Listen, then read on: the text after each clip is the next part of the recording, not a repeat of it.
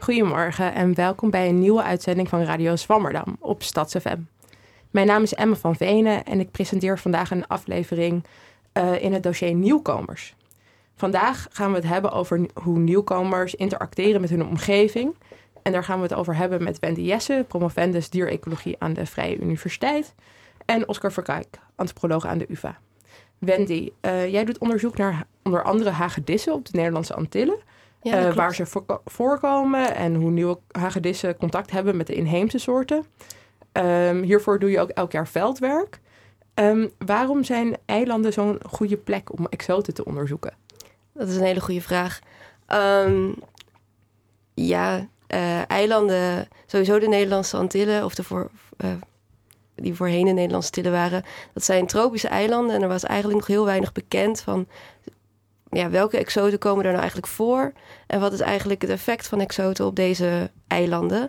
Sowieso op eilanden um, komen vaak exoten voor. En ze zijn compleet afhankelijk van de, de, hand, uh, de, mensen zijn compleet afhankelijk van, van handel van andere plekken. En met die handel uh, komen heel veel exotische dieren en planten het gebied in. Nou, daar gaan we het zo verder over hebben. En onze tweede gast van vandaag is antropoloog Oscar Verkijk. Um, Oscar, jouw onderzoek gaat um, of ging voornamelijk over uh, de actoren die betrokken zijn bij de bouw van nieuwe moskeeën. Um, wat is jouw favoriete religieuze gebouw? Heb je dat? Oeh, dat is moeilijk. Moet het in Nederland zijn of nee. mag het... Uh... Ja, ik vind heel saai. Taj Mahal is misschien geen religieus gebouw. Dat is een graf eigenlijk. Maar dat is, dat is wel heel erg mooi, moet ik zeggen. Maar ik vind de, de nieuwe moskee in Almere vind ik ook erg mooi. Nou, daar gaan we het zeker zo nog over hebben. Um, verder zit bij ons aan tafel onze columnist Bas Belleman. Bas, wil je alvast een beetje vertellen waar je column over gaat zo? Ja, ik, uh, ik hou van Shakespeare, zoals jullie, uh, zoals de vaste luisteraars weten. Uh, en die schrijft ook over allemaal mensen die aanspoelen op eilanden en zo.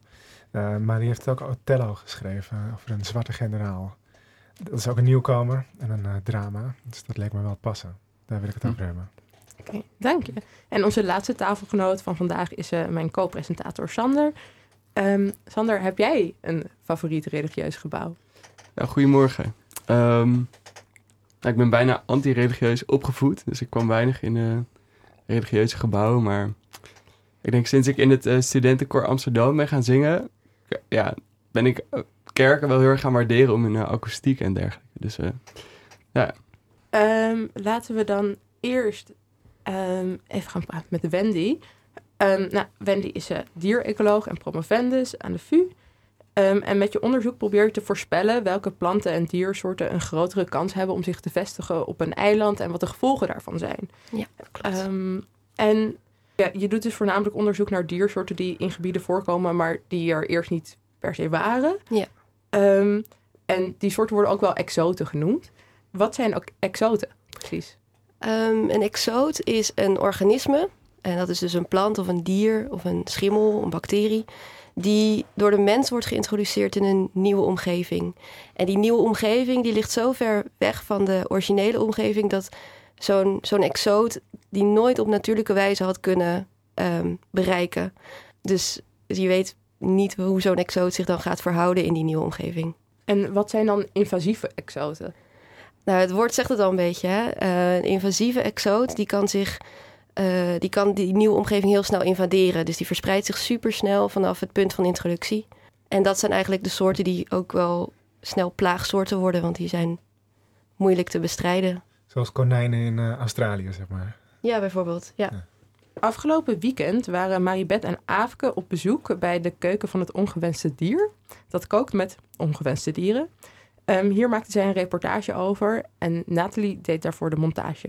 Laten we luisteren.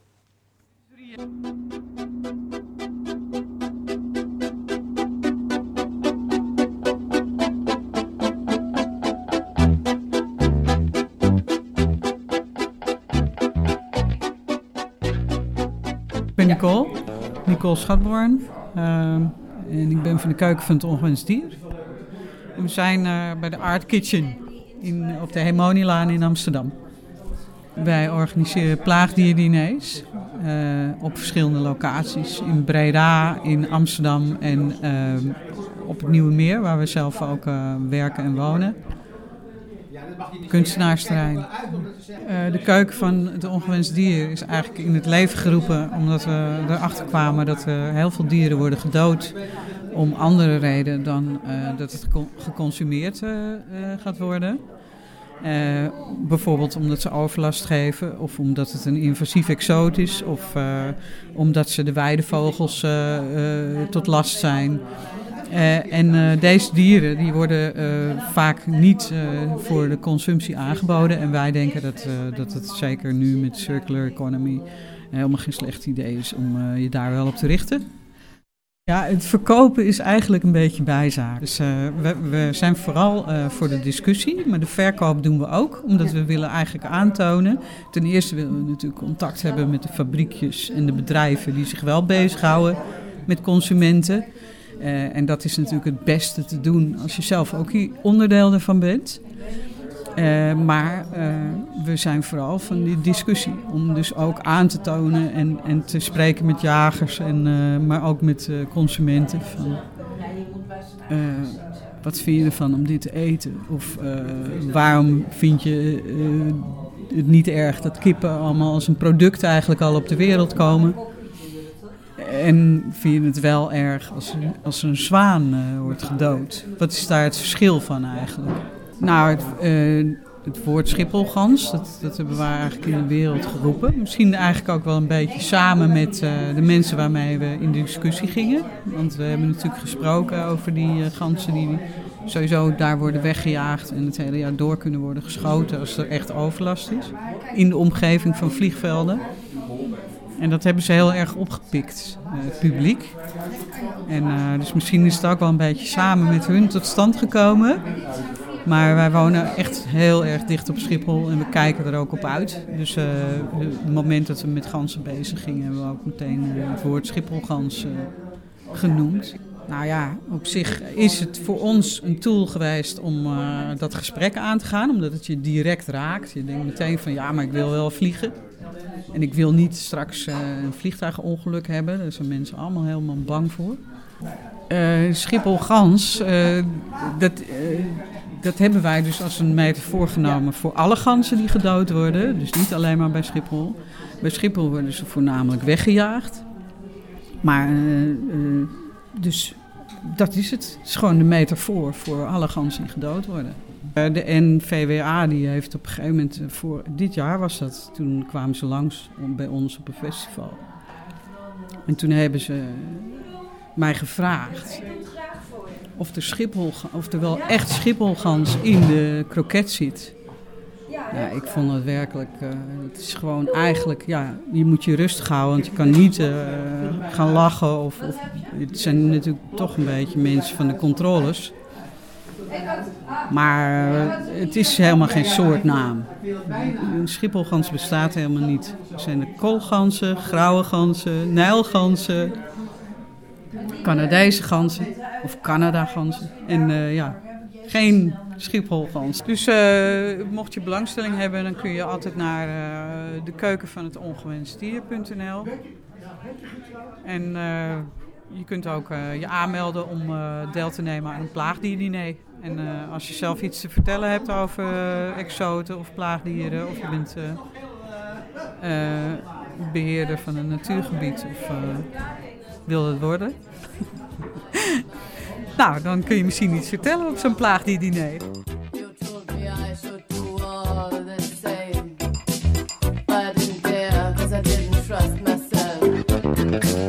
You could be more as you are, can't you see?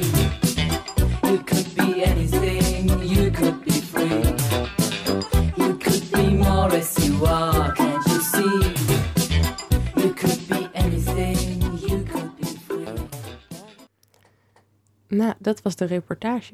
Hebben jullie wel eens ongewenste dieren gegeten? Bedoel je met opzet?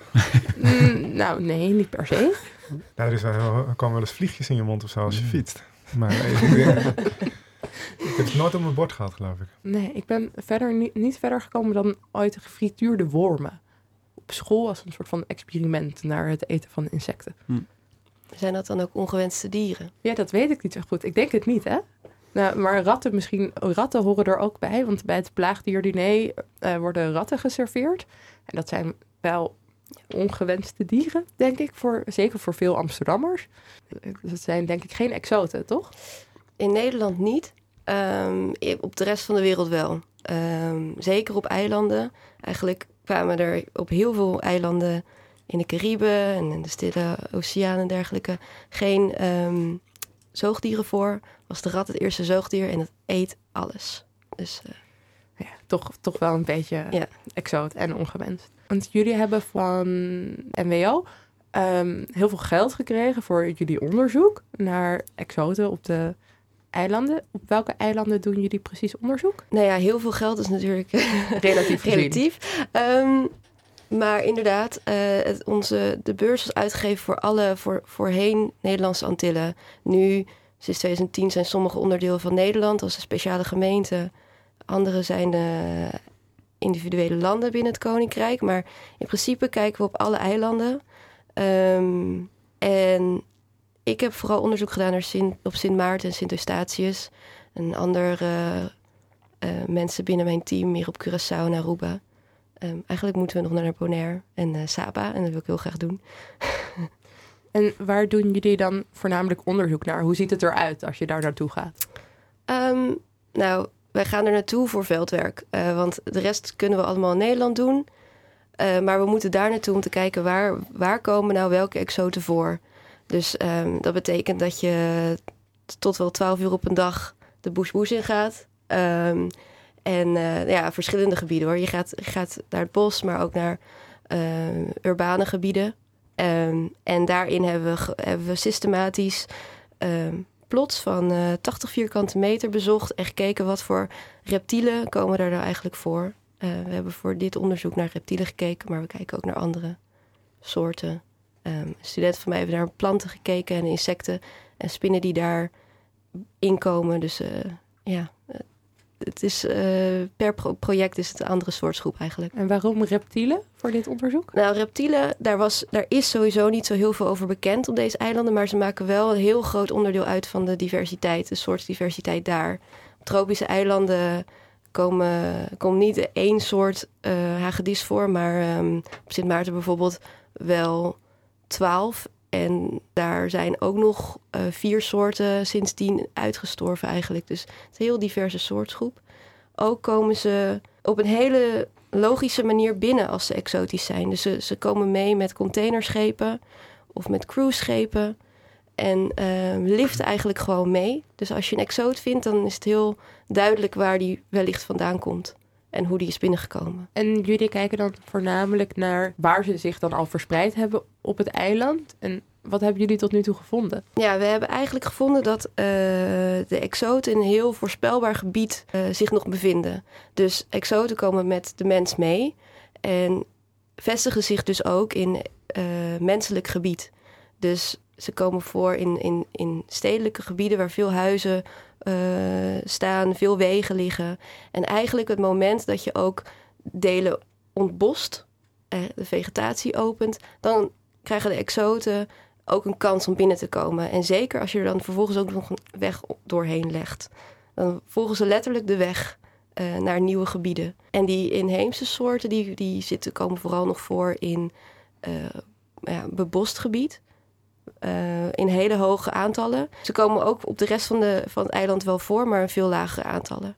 Dus, dus, ze verkiezen echt een eigen, ja, een, een eigen habitat. Maar met de continue ontbossing van de verschillende eilanden kan je wel voorstellen dat ze zich snel gaan verspreiden. Ja, ik, ik vroeg me af, um, je doet dus onderzoek op een aantal eilanden. Ja.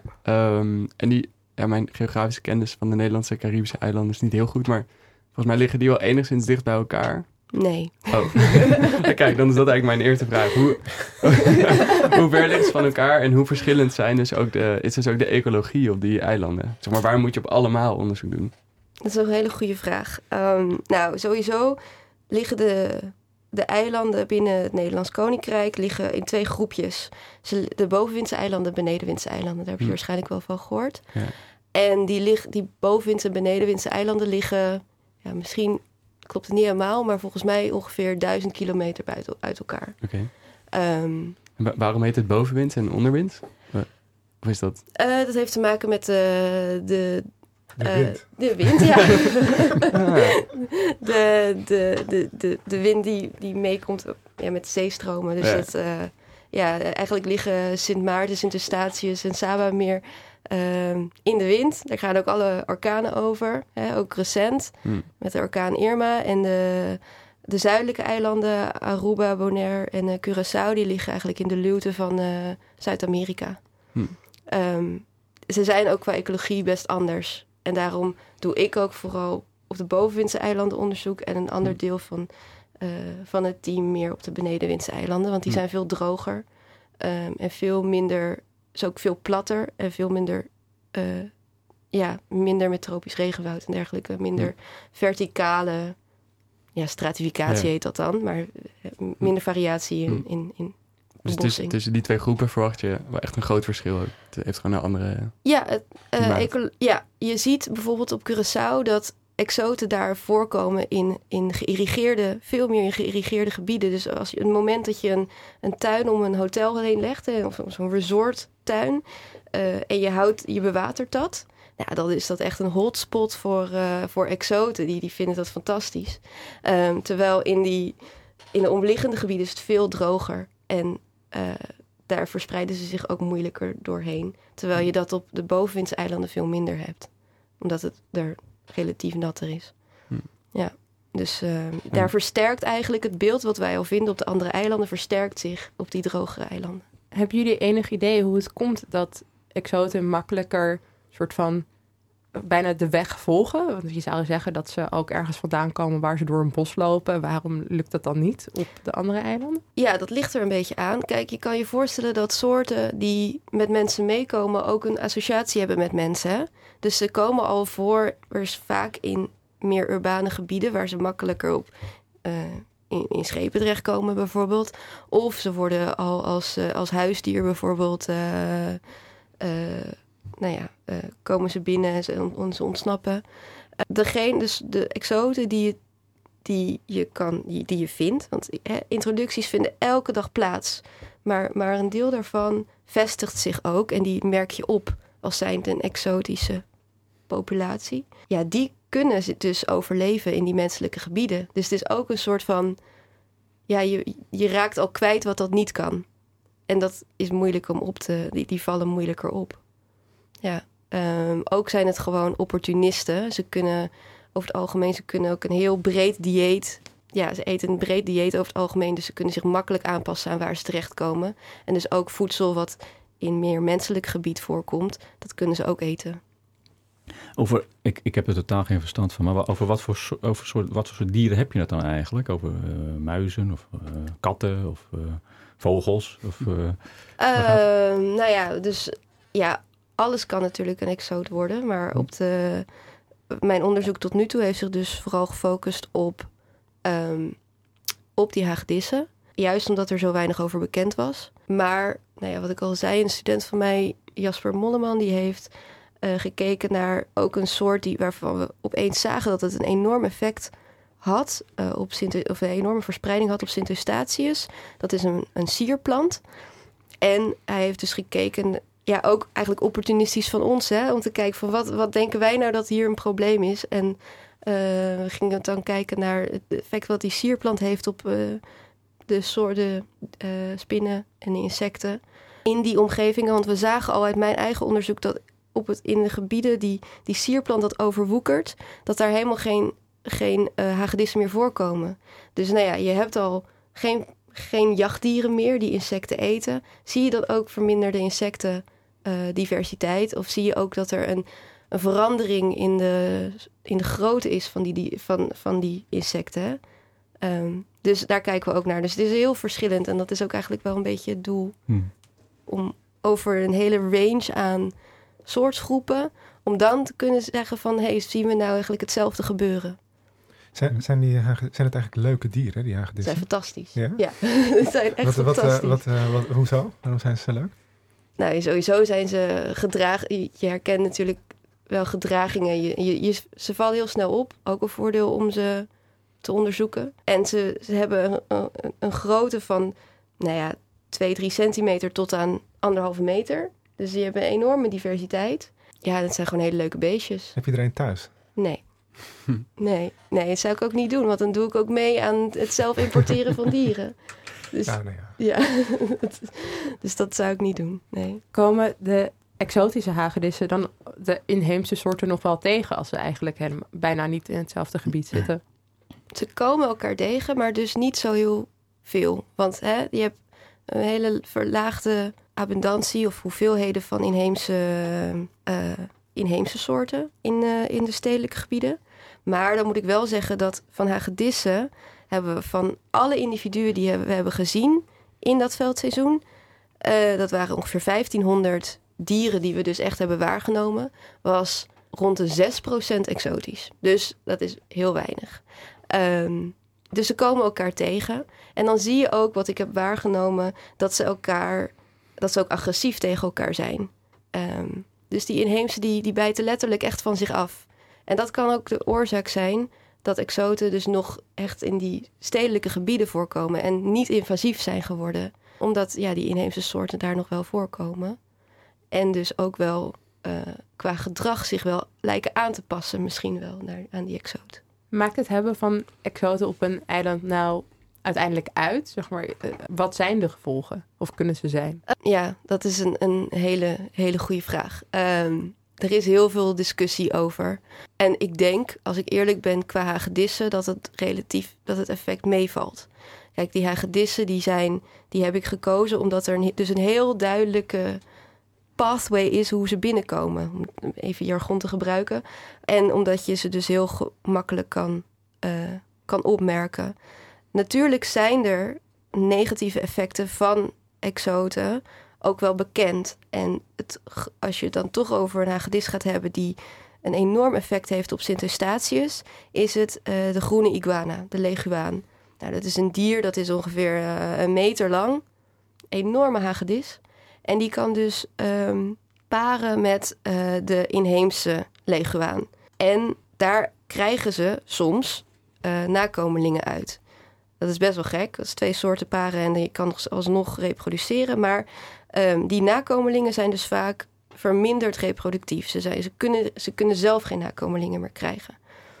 En dat is een probleem, want die inheemse leguaan die is al heel erg uh, kritiek uh, bedreigd. Die zijn er al heel weinig van over. En binnen één of enkele generaties kan je dus een complete uitsterving hebben van zo'n soort.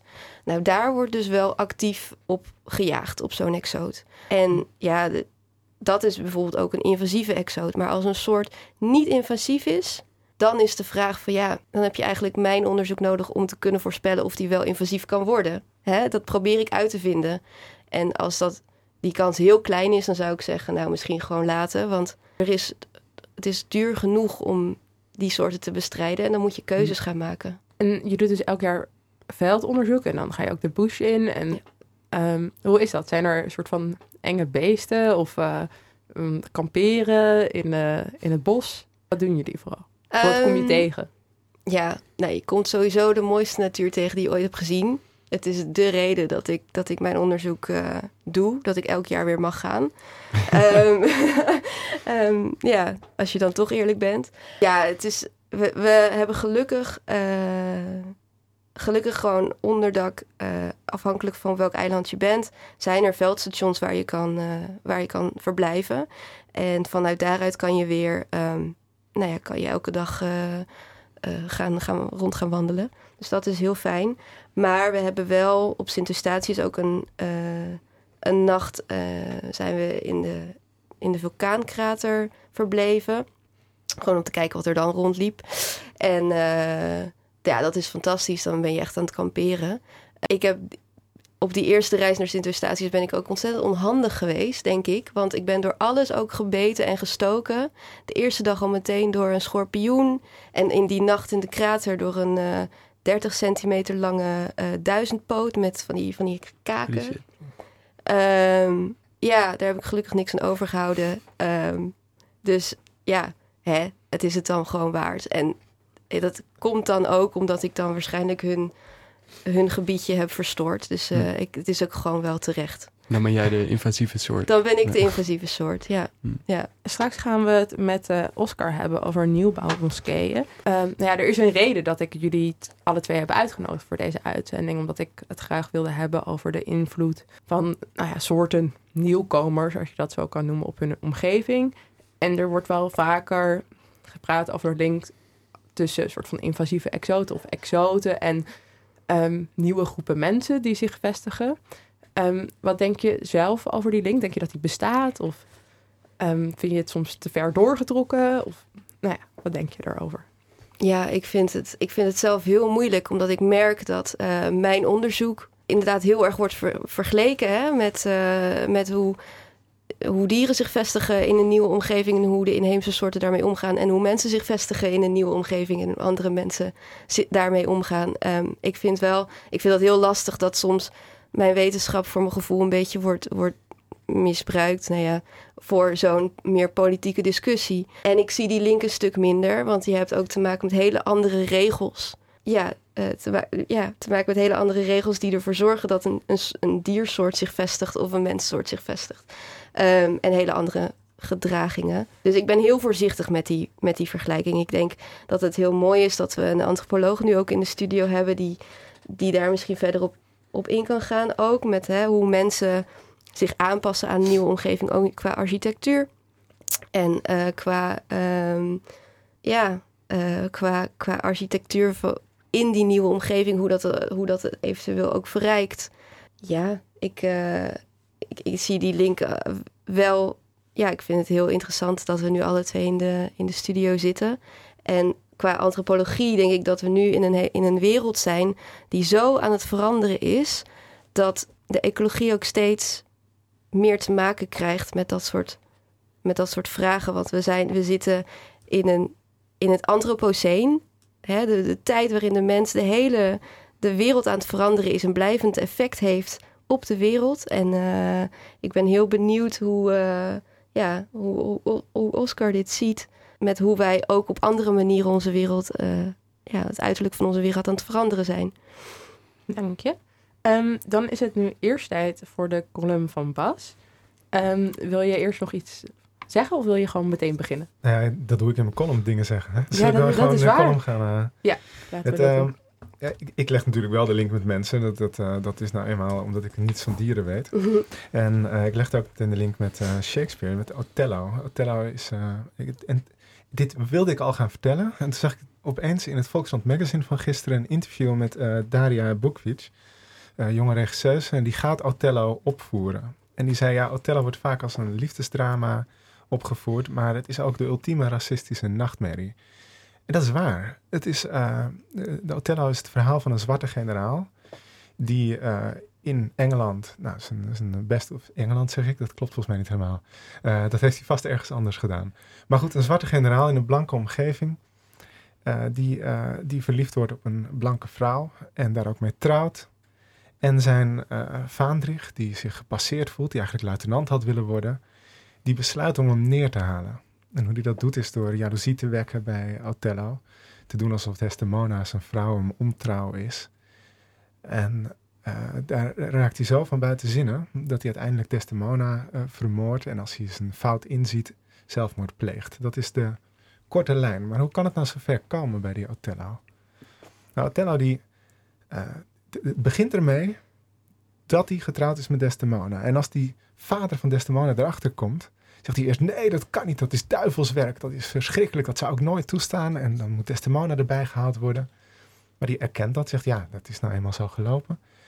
En dan zegt die vader, oké, nou oké, prima dan maar, dan moeten we nu maar doorgaan met de gewone zaken.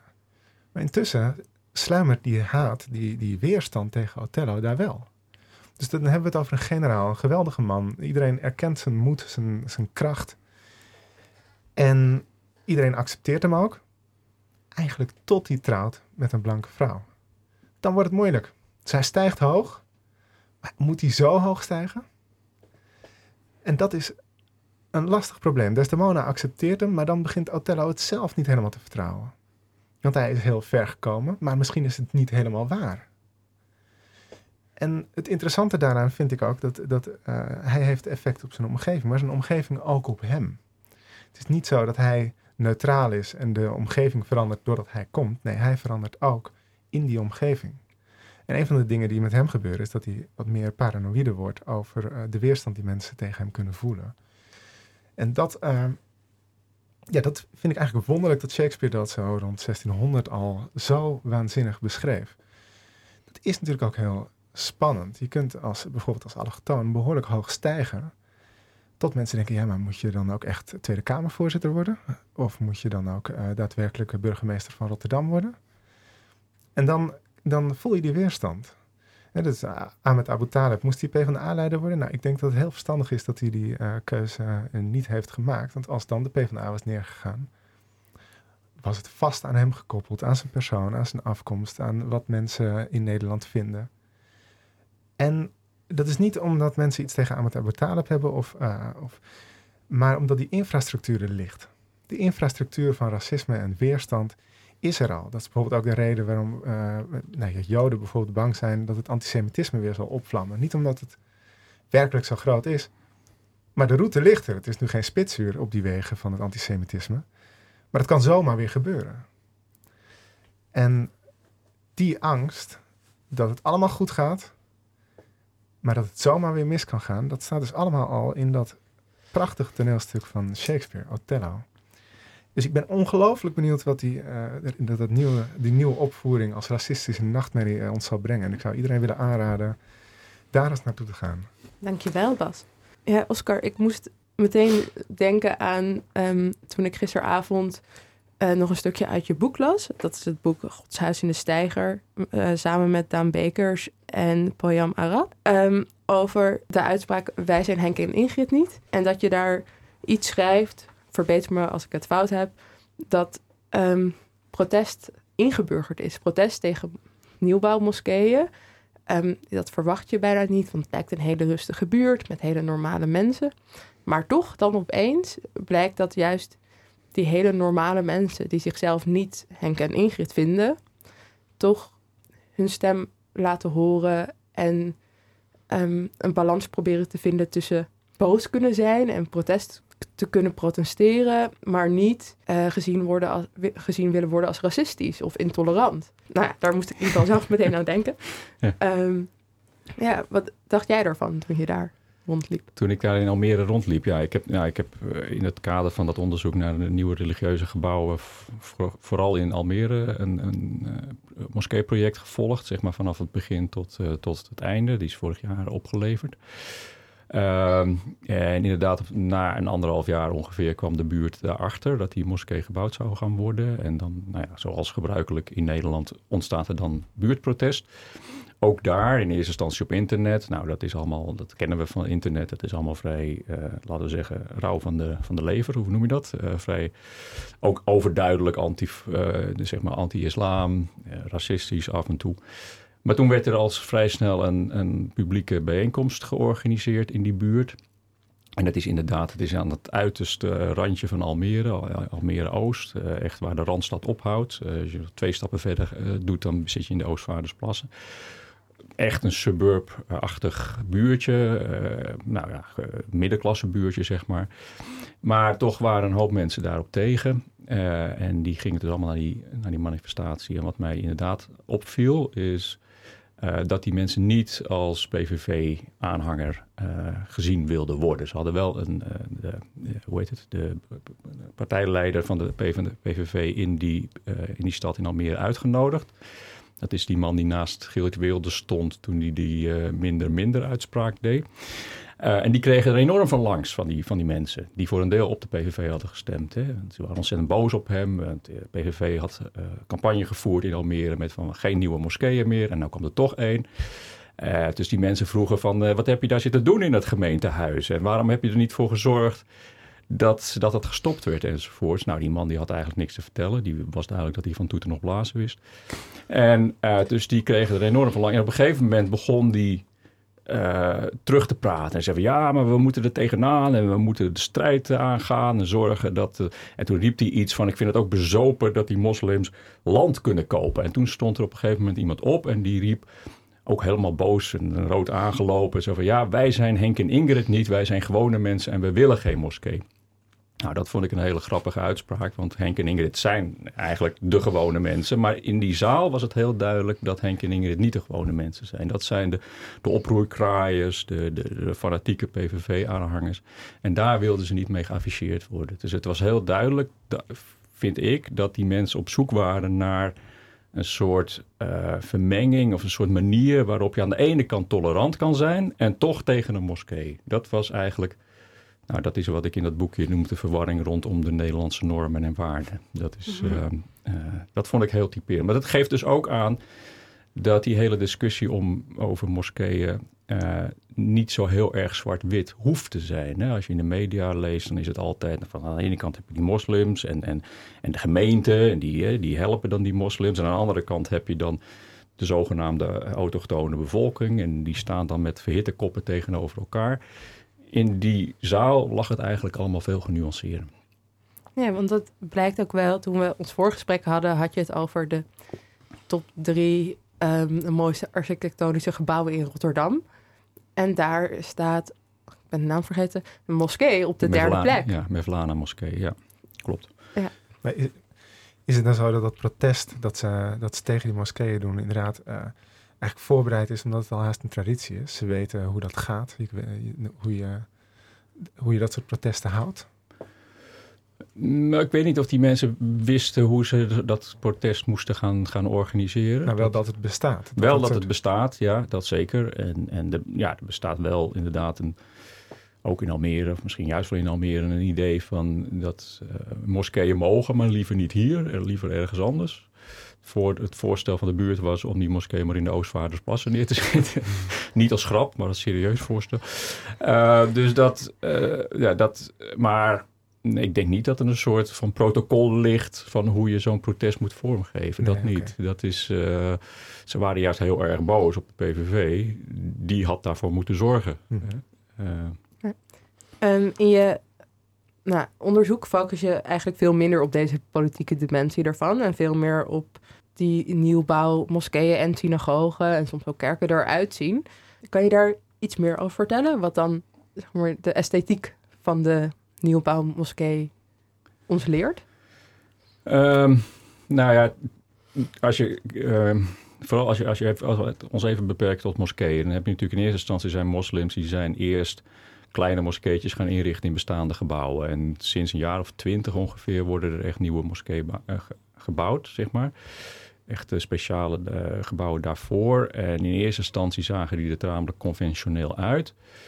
Ehm, en dat had vooral met geld te maken. Er was gewoon heel erg weinig geld. Dus men kon geen goede architecten ehm, zich veroorloven. Geleidelijk aan begint dat te veranderen. Hè. En, daar, en dan zie je dat veel moslimgemeenschappen eigenlijk op zoek zijn naar uh, een soort nieuwe vorm van hoe je een moskee bouwt. Hè? De poldermoskee, zal ik maar zeggen. Dus men probeert heel vaak toch iets Nederlands erin te brengen. Hè? Dus dan wordt al heel vaak bijvoorbeeld bakstenen gebruikt, want dat wordt dan gezien als heel typerend voor de Nederlandse bouwstijl. Dus met, de, met de, dat de eerst conventionele moskees werden gebouwd, bedoel je de moskees die wij kennen van plaatjes uit het Midden-Oosten en Noord-Afrika. Ja, dus dat is, dat is het type moskee wat ook heel erg uh, bekritiseerd is door architecten en dergelijke. Van, dat zou allemaal imitatiearchitectuur zijn. De Heimwee-moskee wordt daarvoor mm. dat, als term voor gebruikt. Nou, dat, dat is denk ik geen terechte term, uh, want die, die moskeeën zijn niet gebouwd vanuit een gevoel van heimwee, maar uh, meer vanuit een, wat ik zei, geldgebrek. Hè? Dat is gewoon de beste manier om op kort, op, op, met zo weinig mogelijk geld een een gebouw neer te zetten.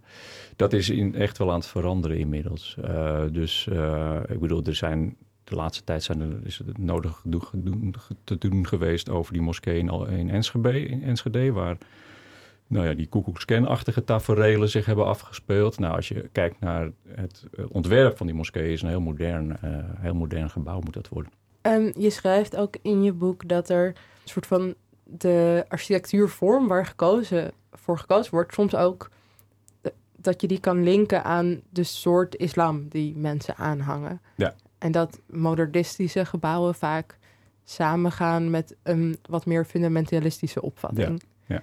Waarom is dat zo? Uh, nou, um, ten eerste is dat is al eerder opgemerkt door een andere antropoloog, Erik Rozen, die daar veel onderzoek naar gedaan heeft. Uh, ik kwam eigenlijk hetzelfde verhaal in Almere tegen dat was een gemeenschap waar eigenlijk intern enige oneenigheid bestond over wat voor soort islam men, men daar wilde praktiseren. Aan de ene kant had je de meer traditionele islam. Het is heel weinig politiek, gewoon naar de moskee gaan en uh, bidden en dat soort dingen. En aan de andere kant een wat meer modernistische, maar ook meer fundamentalistische uh, vorm van islam. Dus dat zijn mensen die eigenlijk op zoek zijn naar hoe je islam in Nederland, in de moderne samenleving, kunt, kunt vormgeven. Uh, en die uh, hebben heel weinig met de traditie, met bijvoorbeeld hoe moskeeën er in Marokko uitzien. Het is een grotendeels Marokkaanse gemeenschap daar in Almere. Die zijn teruggegaan naar de allereerste moskeeën. Hè, zoals die bekend staan zijn in, in de originele bronnen van de, van de, van de islam. Dus nou, de allereerste moskee, hè, waar de profeet Mohammed uh, voor ging. Ja, dat is een heel simpel gebouwtje. Hè. Dat is gewoon, was gewoon een huis. Uh, en er zat geen dak op. Uh, de palmbladeren waren het dak. Dus vanuit die gedachte, en er zat geen minaret bij, er zat geen, geen koepeltje op of weet ik het wat. Dus vanuit die gedachte wordt gezegd van ja, wij moeten eigenlijk zo simpel en sober mogelijke gebouwen neer gaan zetten. Dat, dat is de oorspronkelijke moskee. En dat gaat dus eigenlijk wonderwel samen met het Nederlandse modernisme. Dat uh, die ook het liefst gewoon platte schoenendozen neerzet.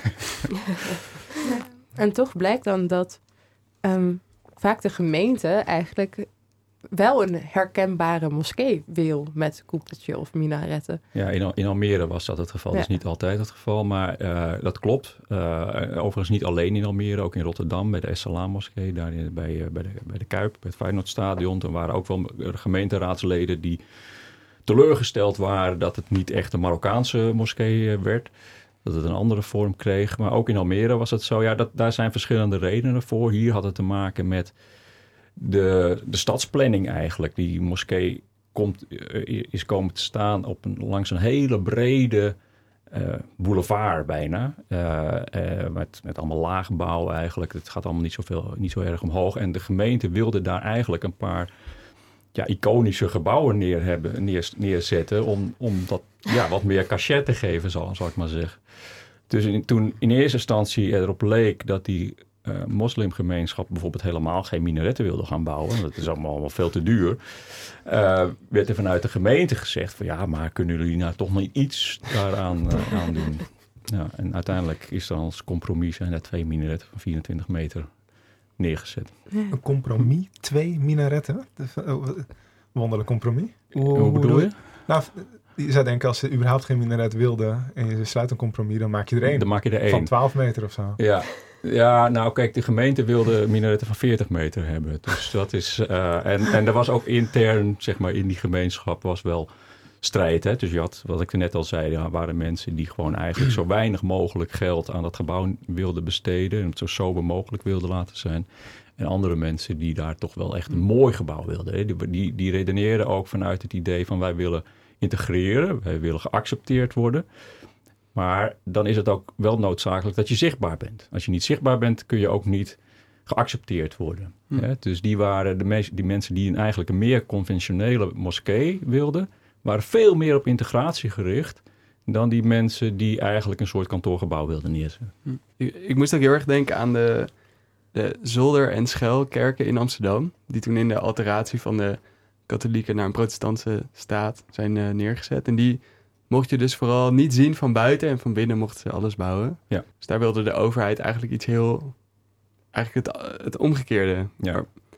En, maar misschien de, de gewone Nederlander, ik maak aanhalingstekens, die, uh, die, die ziet misschien liever dat of zo. Bijvoorbeeld die, die protestanten in Almere, die zien liever een moskee die ze eigenlijk die niet echt opvalt of zo. Zie jij analogieën met deze? Nou, dat weet ik niet. In eerste instantie misschien wel. Uh, maar eigenlijk als een gebouw er eenmaal staat, dan, dan zie je dat uh, uh, toch vanuit de buurt er meer acceptatie voor zo'n gebouw ontstaat. Wanneer het een beetje een exotisch uiterlijk heeft. Hm. Ehm, ik had er een heel mooi voorbeeld van in Berlijn. Daar staat de oudste moskee in, in, in Duitsland, staat in Berlijn. Die is al in de jaren twintig van de vorige eeuw gebouwd echt een zo'n Indiaas uh, gebouwtje met, met koepeltjes en uitjes en weet ik het wat allemaal. Uh, en die mensen die zijn daar ontzettend trots op dat gebouw. Die, uh, als de zon er een beetje zo vanaf de zijkant op schijnt, dan, dan hebben ze het gevoel alsof ze in een heel exotisch uh, land rondlopen, terwijl ze hun, hun hondje lopen uit te laten.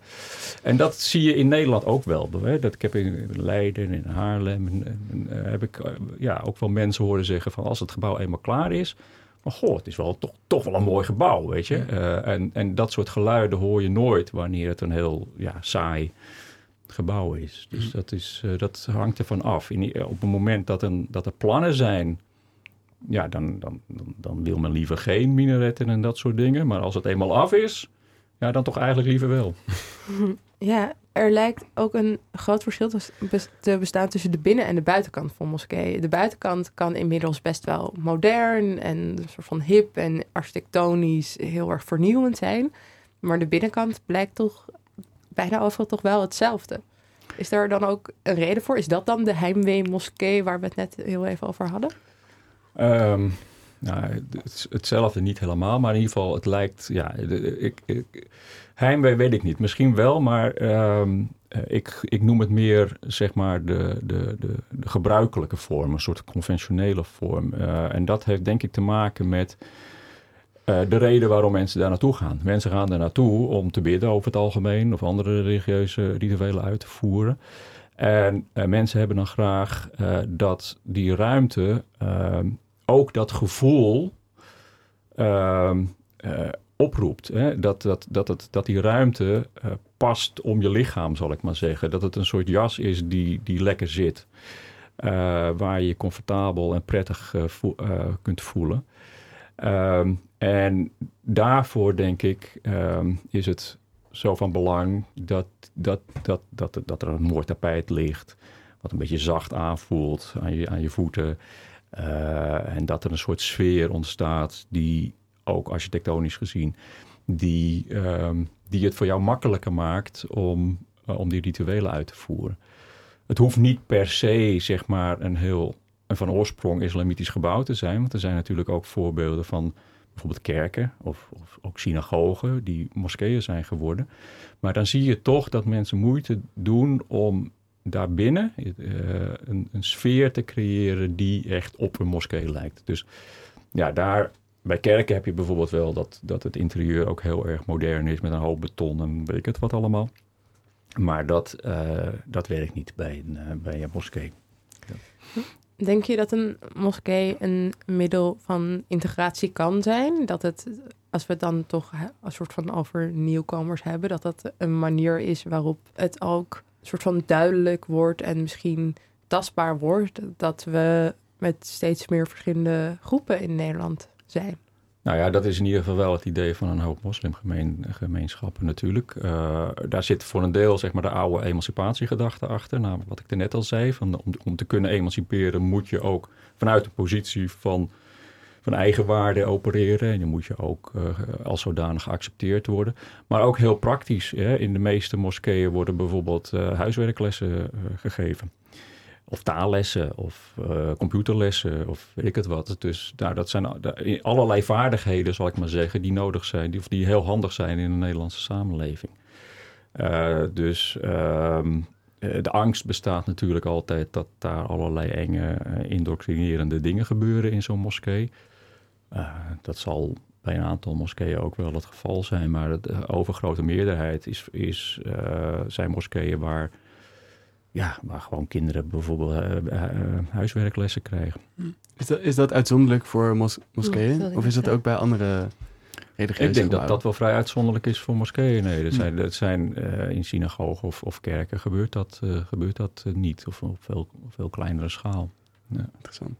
Ja. Denken voor jullie allemaal, denken jullie dat er een overeenkomst zit tussen de manier waarop we kijken naar een soort van hoe nieuwe hagedissen zich vestigen op eilanden en hoe ze dan inheemse soorten tegenkomen en of die zich verzetten of die juist opnemen of ermee paren zelfs. En, um, en daarmee op zoek zijn naar een soort van nieuwe plek om zich te vestigen en hoe groepen mensen op zoek zijn naar um, een manier om een plek te vinden in een samenleving met een gebouw en met ook de vormgeving daarvan? Of zijn, zijn er voornamelijk verschillen? Nou, er zijn ongetwijfeld heel veel verschillen. Ik denk, uh, kijk, ehm, de overeenkomst is natuurlijk dat we in een wereld leven die zich niet meer aan bepaalde grenzen houdt, voor zover die wereld ooit bestaan heeft. Want uh, ja, in ieder geval, de, wereldgeschiedenis, als je alleen naar mensen kijkt, heeft natuurlijk altijd, is altijd een, geschiedenis van migratie geweest. Het idee dat je bepaalde groepen kunt vastpinnen op een bepaald stukje land, dat is echt ja, eigenlijk een beetje een raar idee. Als je kijkt naar hoezeer groepen mensen zich altijd hebben vermengd. In antropologie wordt daar de term diffusie wordt voor gebruikt. Dus het, hele, het hele idee dat je, of de hele poging om zeg maar inheemse en allochtonen, of, of, of exoten en autochtonen, om, om dat te benoemen, vind ik al heel wonderlijk. Dat is eigenlijk meer een, een iets wat vanuit inderdaad voor een deel vanuit de wetenschap gekomen is. En wat, als het om mensen gaat, ook heel erg door de politiek in politieke discussies is overgenomen. Um, dus ja, de, de, overeenkomst is natuurlijk al heel duidelijk dat er op allerlei vlakken vermenging ontstaat. En dat dat wel tot conflicten leidt. Ik vind het interessant om te horen over die hagedissen, dat die inheemse hagedissen die, die nieuwkomers uh, nogal agressief uh, benaderen. Dat lijkt mij een duidelijke overeenkomst. Nee, dat klopt. Ja, ik, uh, ik, ik denk dat het grote verschil zit in de reden van migratie. Bij de mensen heb je natuurlijk te maken met menselijke psychologie, de reden dat ze zich verplaatsen, moeten vluchten soms, maar ook soms ook voor andere redenen ja, zich ergens proberen te vestigen. Um, en met, met dieren en planten en dergelijke is het gewoon random. Het is gewoon een kans, kansberekening. Um, waar, maar je hebt wel te maken met aanpassing. Uh, op wel, in welke manier dan ook. Um, ja, of precies dezelfde uh, regels daarbij van belang zijn, dat is ook wel een vraag. Want bij planten en dieren en dergelijke gaat om andere soorten. Het is alsof wij een Neandertaler zouden tegenkomen. Mm -hmm. Dat is natuurlijk veel lastiger om, ja. om je dan hè, in zo'n levensgemeenschap in te bedden dan als je het met mensen die je kan verstaan over het algemeen en, en die je toch qua gedragingen herkent. Ik denk dat dat een veel minder groot probleem is eigenlijk. Mm -hmm. um, maar globalisering is de, is de oorzaak van beide uh, mechanismen. Maar mag ik misschien iets vragen over.